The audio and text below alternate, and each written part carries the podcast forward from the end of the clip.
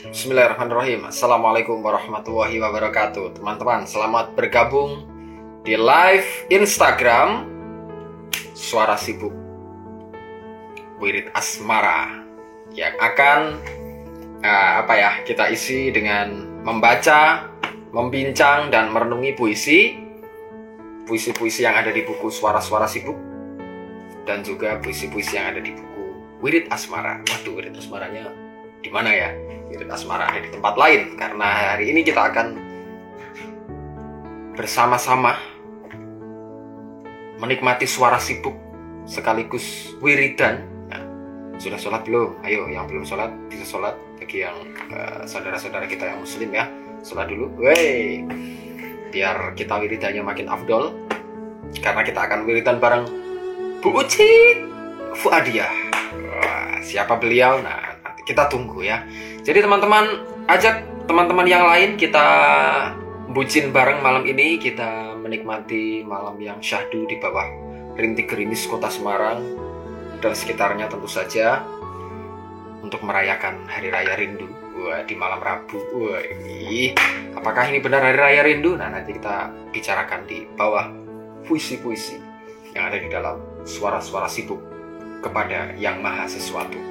Ini adalah sehimpun atau serangkai puisi karya Bu Uci Fuadiah yang juga penulis kumpulan puisi-puisi dalam bahasa Jawa atau keguritan Kendari Marang Tristaras. Sudah bergabung di uh, IG ini ya di live Instagram ini teman-teman saya siapa ini Dewi Tia wah Desi Rianti wah Zafira Neva, Alfian, Ihesta, wah, Mutamul, Almira, Bel Fadaf, Nurul Afifah, dan teman-teman yang lain juga.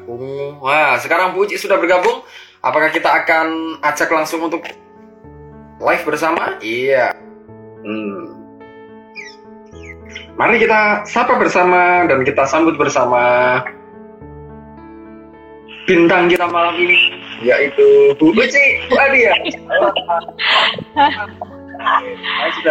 Assalamualaikum warahmatullahi wabarakatuh. Sudah sholat Bu? Wah, sampun sudah dong. Habis sholat kita berikan. Iya. Aduh, gimana sudah selesai jamaahnya ini? Gila jamaah. Gimana Mas Eko sehat ya? Iya sehat, sehat juga ya. Alhamdulillah. Tadi sempat hujan deras sekali barusan reda di Semarang pas. Deras mengguyur Semarang. Deras rinduku padamu. Waduh. Jadi rindu. Ya. Suaranya terdengar jelas Mas Eko. Uh, Mas Eko di saya agak putus-putus ya. Kalau suara saya bagaimana? Lancar? Turut-turut ya? G, sedikit delay ya, sedikit delay mungkin ya. Nah, cuaca juga sedang Hmm, tidak baik. bisa bisa. Oke oke. Ada sekitar 16 teman-teman yang bergabung dan meskipun di bawah mendung malam hari kita tidak perlu khawatir karena bintang-bintang akan tetap bersinar di tempat seperti ini peteng. Langitnya peteng hujan pada itu. yang mahasiswa di halaman 54 ada sebuah puisi dengan judul itu Saya boleh baca puisi dulu ya Bu Oke, silakan. Ge ge ge. Nomor Monggo.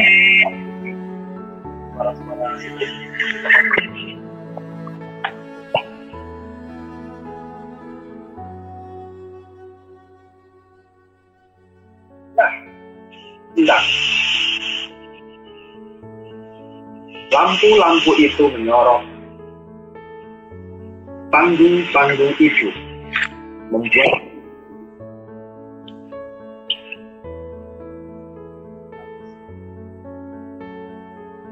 elu-elukan ribu tepuk tangan itu meneriaki kau tertawa mereka semua bahagia. Dua tiga gadis remaja menangis mencium dan mencubit pipimu. Kau pulang membawakan sebungkus roti bakar rasa rindu. Dan kau berkata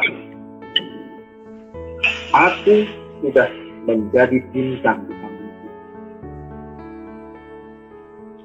aku sudah membuat mereka bahagia dalam merlap cahaya. Kenapa kau pulang?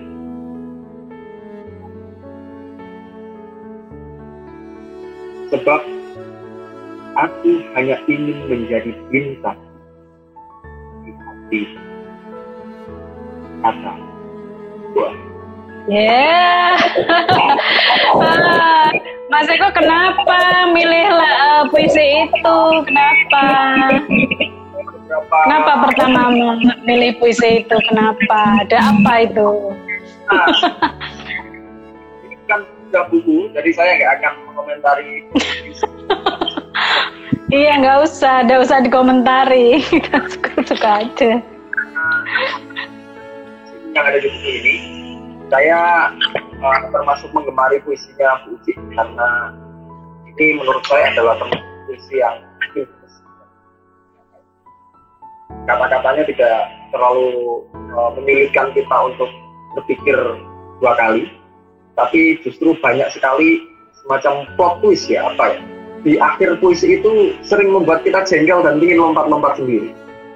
Dan di beberapa minggu yang lalu ya, atau sekitar bulan-bulan yang lalu, kami sempat ngobrol bahwa kami pengen ngobrol bareng di dalam sebuah forum santai seperti ini, sambil membaca puisi, meresapi puisi-puisi ini.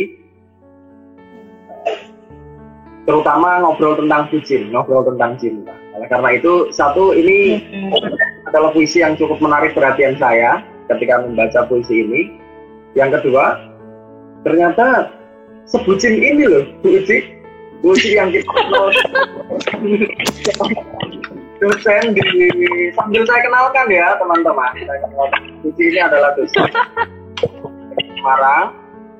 Dia dosen di jurusan Bahasa dan Sastra Jawa, Fakultas Bahasa dan Seni. Benar ya Bu ya? Uh, dulu dikenal Ya betul. Oke, mahasiswa di eranya tapi semangatnya selalu membara dan selalu berada di depan. Tapi ternyata kalau ngobrol tentang erangannya itu menjadi manja-manja gimana gitu. Coba kita bayangkan. Garis yang penting sekali itu kau pulang bawakan kus roti bakar rasa rindu. Roti bakar rasa rindu ini belinya gimana saya pengen nyicipi gitu loh kalau saya mendengarkan kata-kata seperti ini saya pengen segera keluar dari rumah untuk segera mencari penjual kontrakan.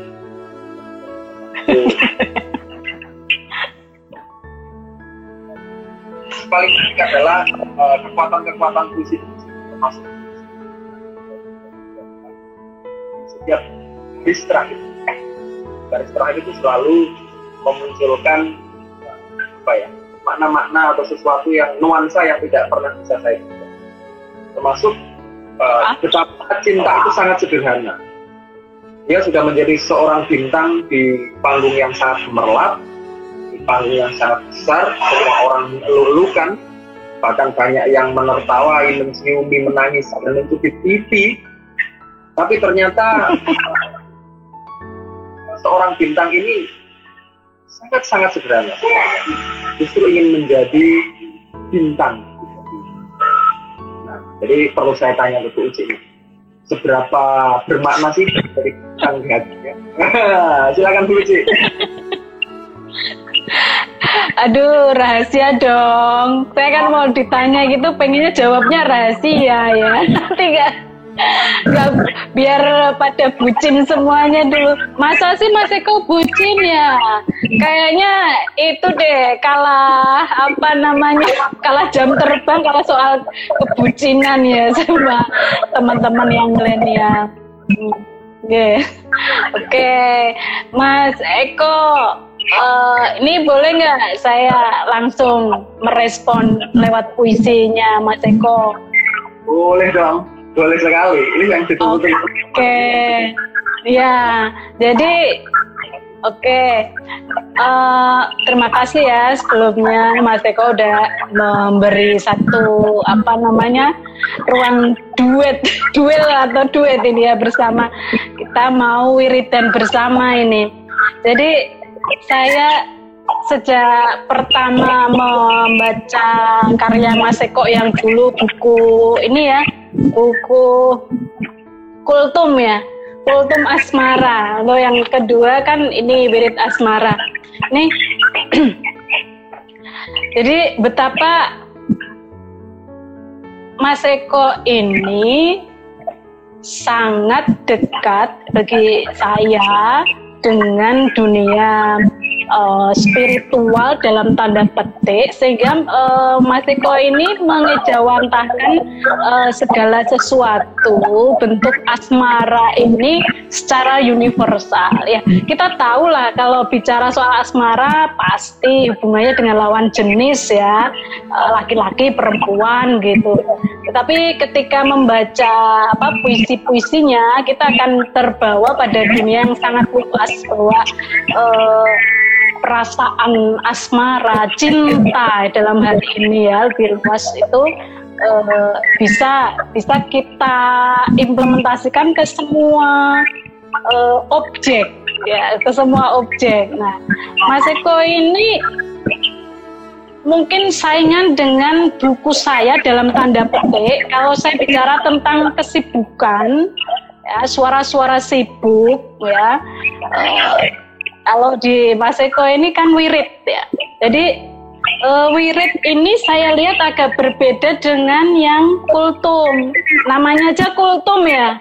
Kultum itu agak lebih panjang dari wirid. Bicara apa? Maka puisi-puisi yang di kultum ini lebih panjang. Dari yang di wirid. Yang di wirid ini pendek-pendek. Tetapi kita tahu yang namanya wirid itu pendek-pendek tapi kita lakukan terus menerus dan itu hal yang sangat uh, apa namanya menjadi apa itu ya untuk menghidupi jiwa itu ya. Jadi hal ini sunnah. Wirid itu kan sunnah ya sunnah. Ketika kita sudah melakukan kesibukan-kesibukan di antara ini loh konteks sekarang ini, wah orang itu sibuk, wah sibuk daring 24 jam, sibuk bekerja, uh, kemudian sibuk cari uang, sibuk uh, macam-macam di sana. Mungkin mungkin dalam puisi saya saya uh, uh, tuangkan seperti itu, termasuk sibuk memikirkan orang lain gitu ya lupa memikirkan diri sendiri. Nah, di di wirid ini saya semacam menemukan bahwa kita itu penting untuk wirid ya. Jadi hal-hal yang pendek-pendek tetap sifatnya sunnah, nggak wajib, tapi perlu kita lakukan supaya kita nggak boring, dinamis hidup ini. Nah, wirid wirid yang dilakukan Mas Mas, Mas Eko ini tentu saja uh, luas sekali meskipun di sana uh, ada satu judul dalam bukunya itu Wirid Asmara. Nah, untuk membaca wirid ini uh, walaupun pendek-pendek saya perlu waktu yang cukup lama ya jadi namanya memang wirid, wiridan, bersolat, hal yang wajib. Setelah kita melakukan hal yang wajib biasanya kan ya analoginya, kalau wiridan, wiridan itu nggak wajib memang ya. Tetapi ketika itu dilakukan menjadi rekreasi tersendiri bagi jiwa raga kita, termasuk membaca puisi ini ya.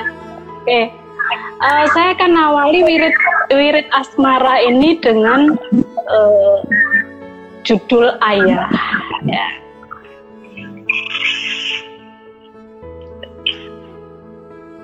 Ayah. Wirid Asmara Eko Widianto halaman 24 Lelah berirama.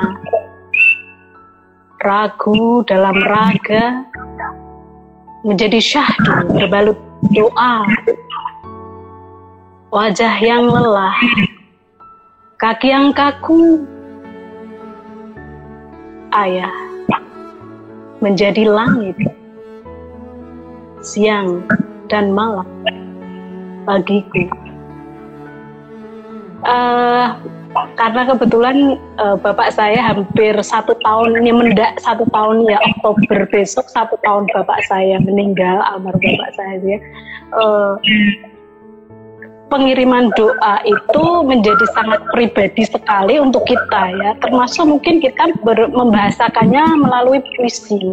Tapi itu sangat subjektif ya bagi orang lain mendoakan melangitkan. Mungkin juga tafsirannya kan beda-beda orang membaca ini ayah uh, ketika ayahnya sudah eh, masih hidup uh, bisa juga ketika ayahnya sudah meninggal uh, dengan doa al-fatihah atau dengan doa-doa zikir yang lebih lama atau kita bisa mendoakan melangitkan doa ini melalui wirid wirid asmaranya ini. Jadi saya menemukan wirid asmara ini ternyata saya juga menemukan ayah saya gitu Selain saya juga menemukan asmaranya sendiri nih coba saya baca ya. Asmara yang di sini asumsinya lawan jenis ya asmara muda-mudi laki-laki perempuan gitu. Asmara Wirid Asmara Eko Widianto halaman 43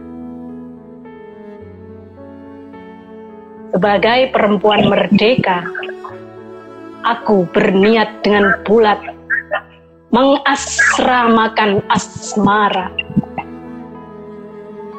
agar dia baik-baik dalam berbudi dan tidak suka iseng sendiri. Sebab sekali ia mengenalmu habis sudah semua isi Meski begitu, aku tetap menyukainya. Jadi uh, untuk para perempuan ya, Mas Eko ini kan laki-laki, tetapi ketika de, uh, dalam puisi ini uh, penulis kan uh, sudut pandangnya perempuan sebagai perempuan merdeka, aku berniat dengan aku ini mewakili suara perempuan ya. Uh, ingin mungkin ini kita mewakili adik-adik cewek-cewek yang sedang dilanda asmara ya. Kita sering kali ingin dalam diri kita itu tidak ingin baper ya. Tetapi diam-diam di hati kita itu tetap merindukan sesuatu itu, perasaan-perasaan itu ya. Tetapi kita tidak ingin secara lugas menyampaikannya itu. Diam-diam supaya tampak tegar itu itu itu tegar itu. Mengasramakan asmara itu. Maksudnya mengasramakan asmara di situ berarti kan kalau asrama banyak banyak asmara juga itu. Kalau di rumah itu satu kalau mengasrama kan banyak loh mas Eko jadinya. Jadi banyak asrama. Ayo. Oke okay. jadi uh, ini baru dua puisi ya dua wirid. Satu uh, asmara wirid yang ditujukan tadi saya pilih ini terserah saya yang baca ya bagi Mas Eko mungkin berbeda. Jadi sosok cinta wiridnya untuk ayah dilanya dengan ayah dan satunya betul-betul uh, mewakili perasaan perempuan gitu ya. Di sana banyak juga tentang cerita tentang Mas Eko ini sepertinya sangat berpengalaman dalam panggung sehingga banyak juga wirid-wirid tentang gedung-gedung kesenian tentang teater gitu ya kemudian pengalaman menulis skripsi juga dituangkan. Jadi adik-adik yang menulis skripsi ini ya uh, perlu diwiriti ini dengan membaca ini skripsi. Nanti nanti saya bacakan puisi tentang skripsi ada itu di situ. Perlu diwiriti itu biar skripsinya cepat selesai. Ya, Mas Eko ini memang latar belakangnya selain sebagai dosen di UIN, ya kan? Uh, saya kenal beliau juga dulu aktif di uh, alumni UNES ya Mas Eko ya. Uh, HIMA juga, di HIMA, di kegiatan-kegiatan mahasiswaan, di PIPA dan jangan lupa latar belakang Mas Eko ini kan uh, tidak jauh-jauh dari pesantren. Ya, saya menebak-nebak ya, tidak jauh-jauh dari pesantren sehingga eh, walaupun sebagai seorang sastrawan penulis, jadi eh, diksi-diksi bahkan pilihan-pilihan kata termasuk eh, pilihan-pilihan judul dalam karya-karyanya tidak jauh-jauh dari ya kultum, gitu. Kenapa tidak memilih zikir di uh, pengantar Mbak Abidah LLG ini juga disampaikan. Kenapa Mas Eko nggak memilih zikir? Kenapa nggak memilih doa itu? Tapi wirid, saya dipilih wirid. Nah, ini kan sangat kental dengan dunia pesantren.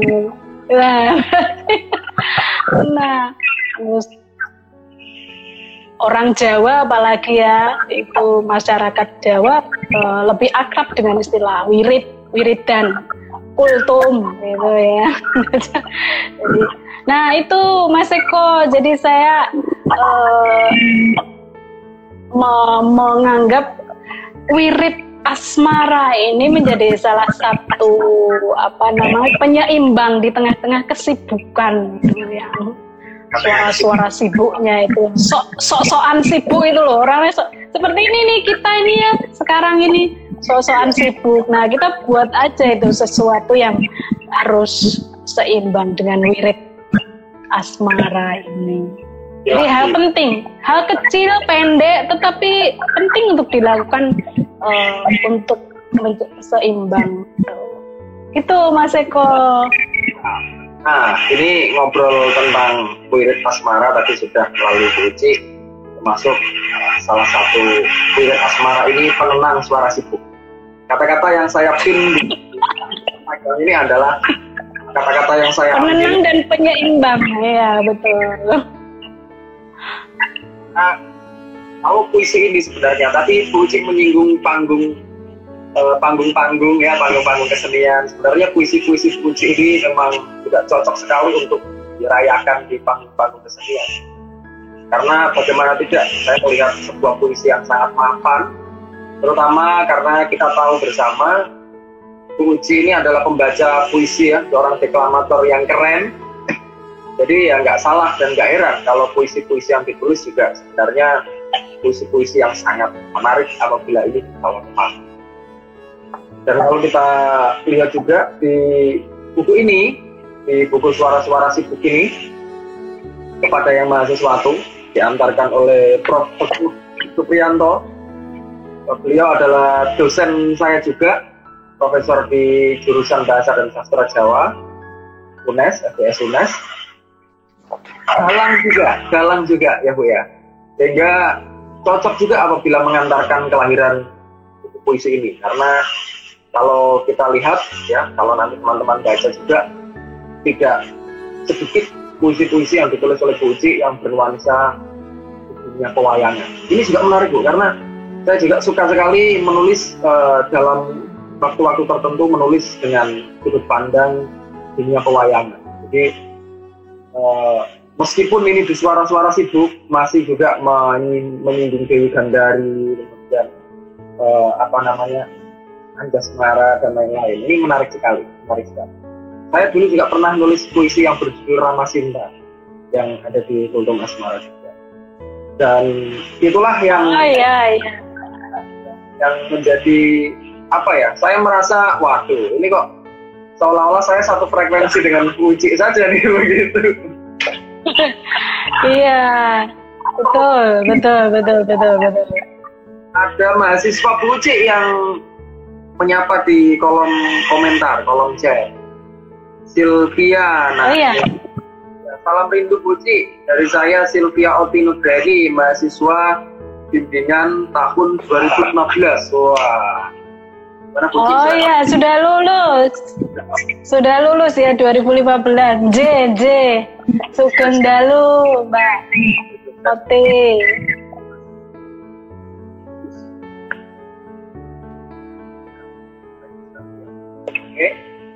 Oke Buci, kita lanjut ngobrol apa lagi nih? Selain tadi sudah ngobrol. Ah, wirid ya, menyuarakan kesibukan aja dulu kita. Kan, Menyuarakan kesibukan terus saya wiridan lagi aja. Suka-suka kita aja. bahwa Ya. ini masalahnya sangat lengkap. Kalau ibarat makanan itu ini sudah lengkap sekali. Ada puisi-puisi yang bucin, ya, ada yang bucin, ada puisi-puisi yang tentang nasionalisme tentu saja. Lalu juga puisi-puisi yang ada di dunia pewayangan. Ya, ada ada Mas dari termasuk ini juga cerita tentang Damar Wulan. Nah, ini juga menarik nih cerita tentang Damar Wulan. Nanti Bu Uci yang biar yang cerita, saya yang bacakan puisi. Ada puisi dengan judul Anjak Para Para yang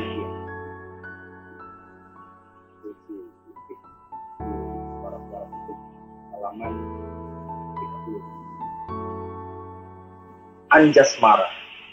Asmara yang diam apa saya terlalu ini ya bucin ya sehingga selalu tertarik dengan kata-kata asmara yang lainnya.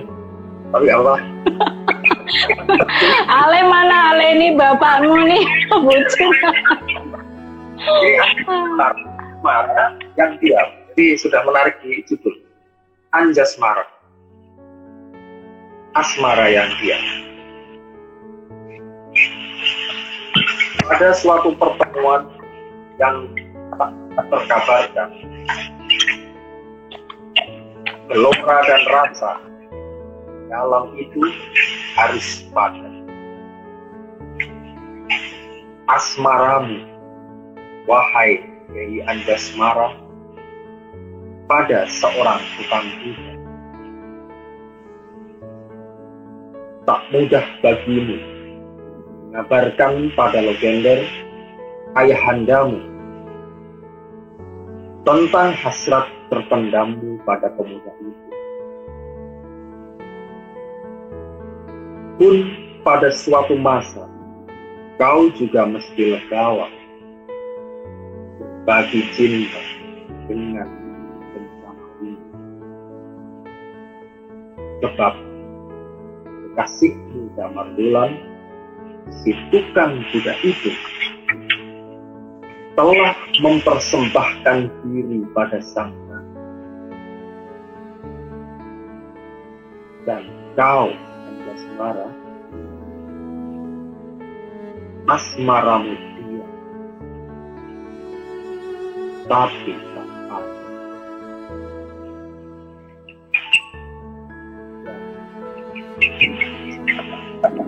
misi Kenapa Mas Eko milih puisi itu? Kenapa?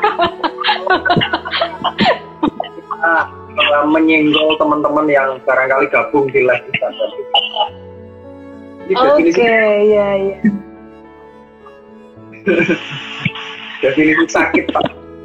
Ya, yang seperti ini.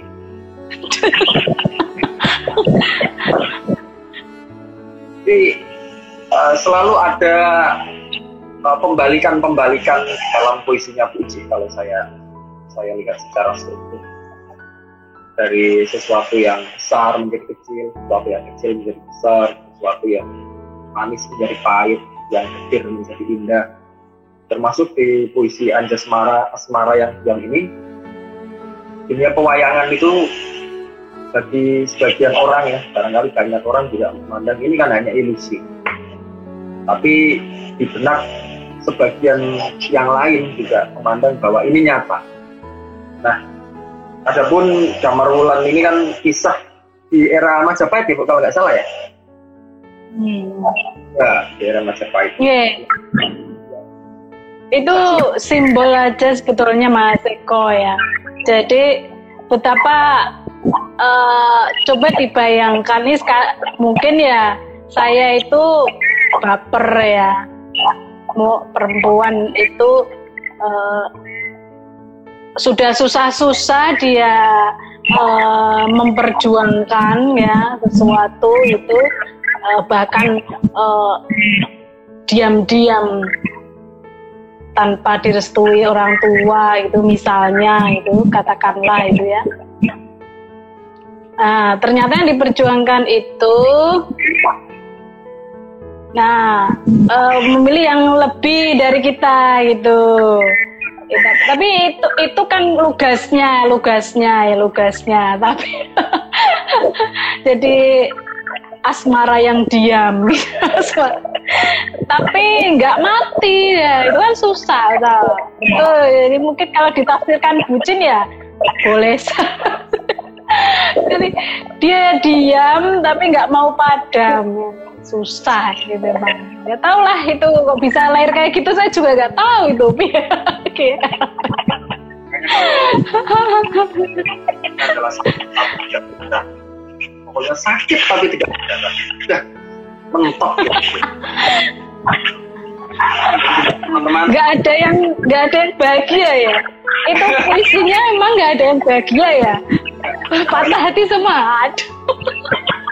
Masa sih ya teman-teman yang bergabung di live ini malam Rabu, malam di mana kita merayakan rindu ya, kita ngobrolnya yang musik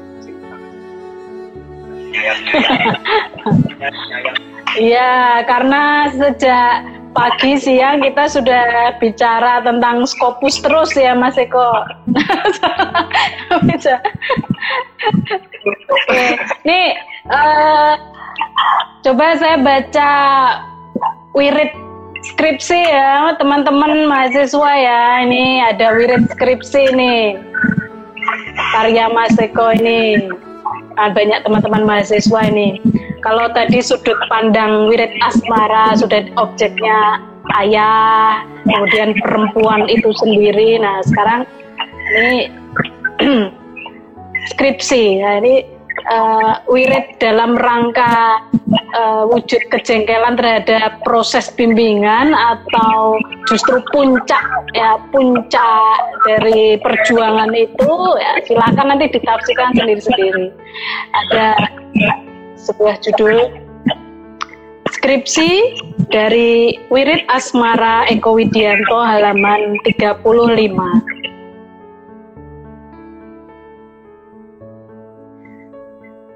Di lembar kedua, kutulis namamu.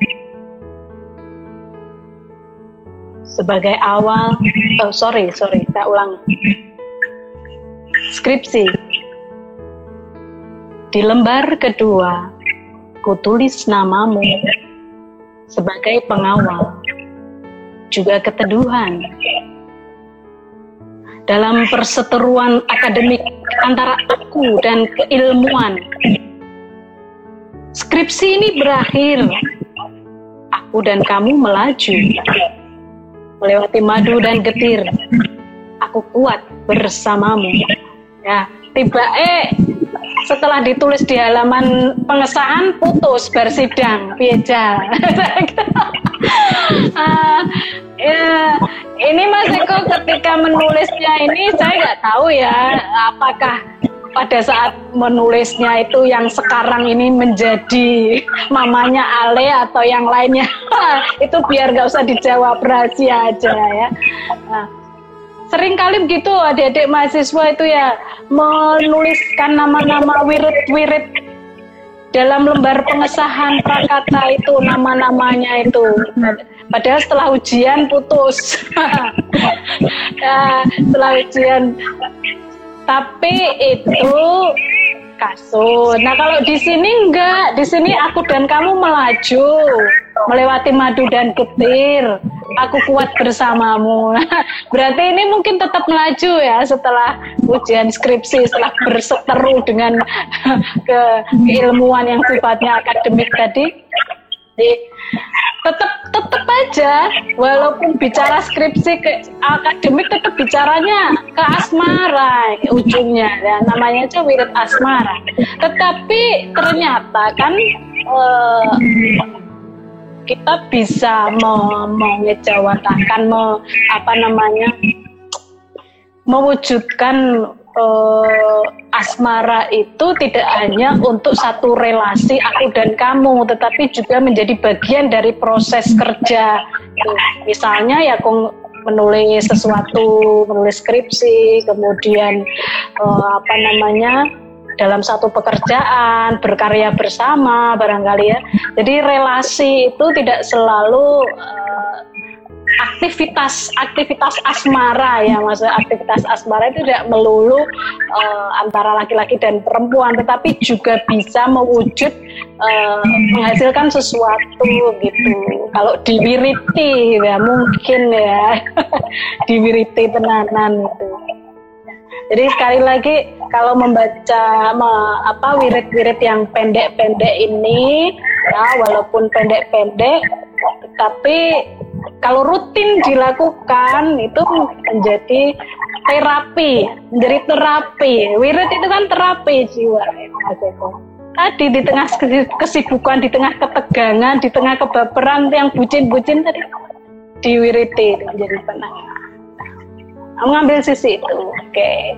Gitu, Mas Eko. Oke, ternyata waktu kita tinggal sebentar lagi Bu, sudah tidak terasa. Kita. Oh iya,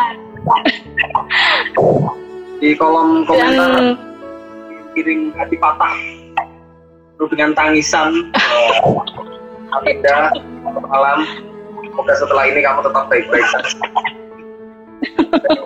uh, setelah ini mohon Pak Ustadz, Pak Kiai Eko ini yang harus bertanggung jawab memberikan wirid terapinya ya.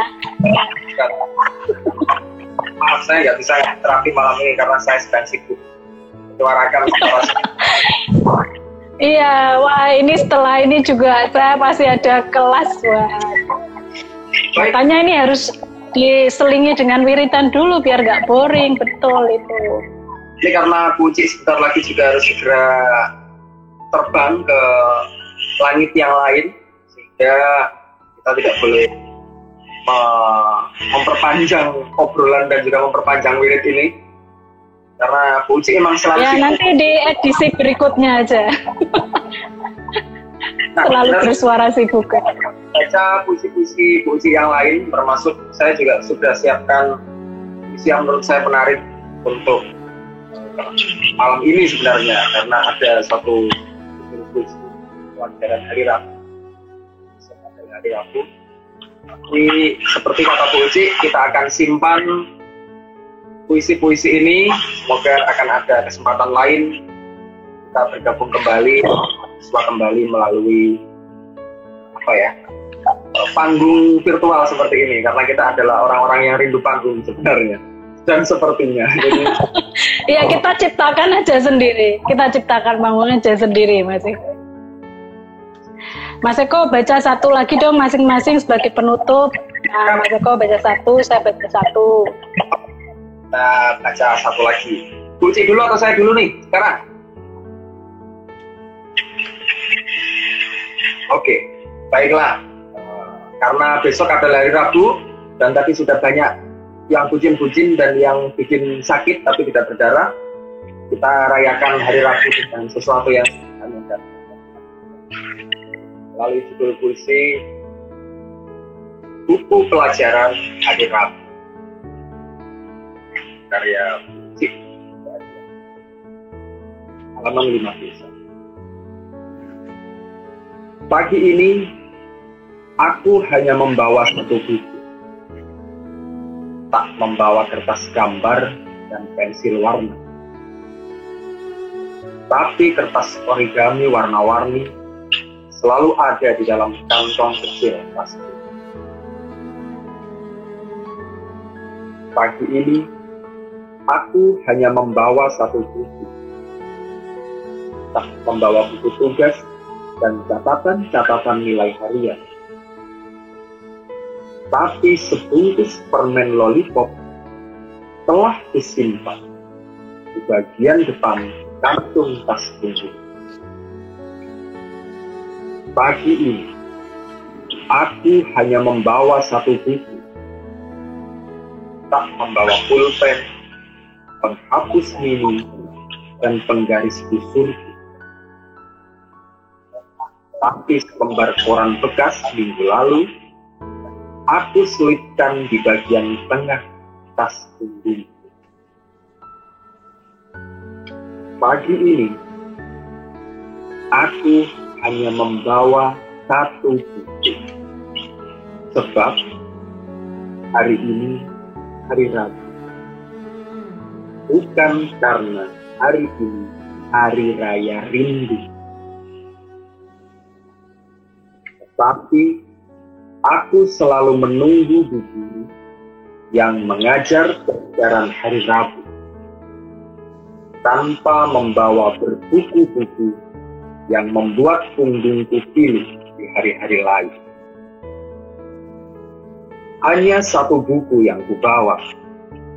Untuk kuisi saat guru memintaku menuliskan nama-nama bunga dan binatang yang kujumpai tadi pagi berani. Setelahnya, aku akan ikut melipati origami dan makan permen loli. Ya. Jadi besok itu ingat teman-teman, besok itu Rabu, hari raya. Teman-teman harus tetap semangat yang. Oke. Ya, begitulah Bu. Jadi kita nggak perlu kelas lagi. Kita bagian dari puisi penutup. Hmm, enggak. Oke. Ya, saya tutup ya. Nanti ditutup lagi. Ya. Enggak, eh, satu puisi. Saya suka jus strawberry. Nah, kebetulan nih ada wirid jus strawberry. Kok tahu itu ya hobi saya bikin jus ya. Ini pokoknya saya mau masak dua ini karena wirid pendek ya. Jus strawberry. Eko Widianto, Wirid Asmara, halaman 100. Jus strawberry yang tinggal setengah, tapi kau selalu penuh membuat hati terperangah. Setelah habis tak ada sisa, tinggal kamu satu-satunya pelepas dahaga. Jadi milih jus strawberry atau kamu nih? Oke. Terus terakhir nggak ada debat, nggak boleh didebat nih. Perdebatan.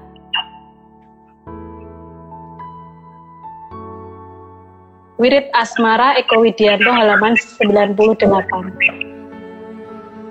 Tak perlu berdebat, ihwal jalan mana yang kita tempuh. Karena diskusi tentang tujuan jauh lebih menyenangkan. Bukan begitu esensinya? Dah. Oke, terima kasih Mas Eko. Terima kasih teman-teman ya. Semoga kita jumpa lagi edisi berikutnya. Ini kita akan simpan rekaman di IGTV dan semoga bisa segera tayang. Assalamualaikum warahmatullahi wabarakatuh. Waalaikumsalam warahmatullahi wabarakatuh. Nih dipotret dulu dong.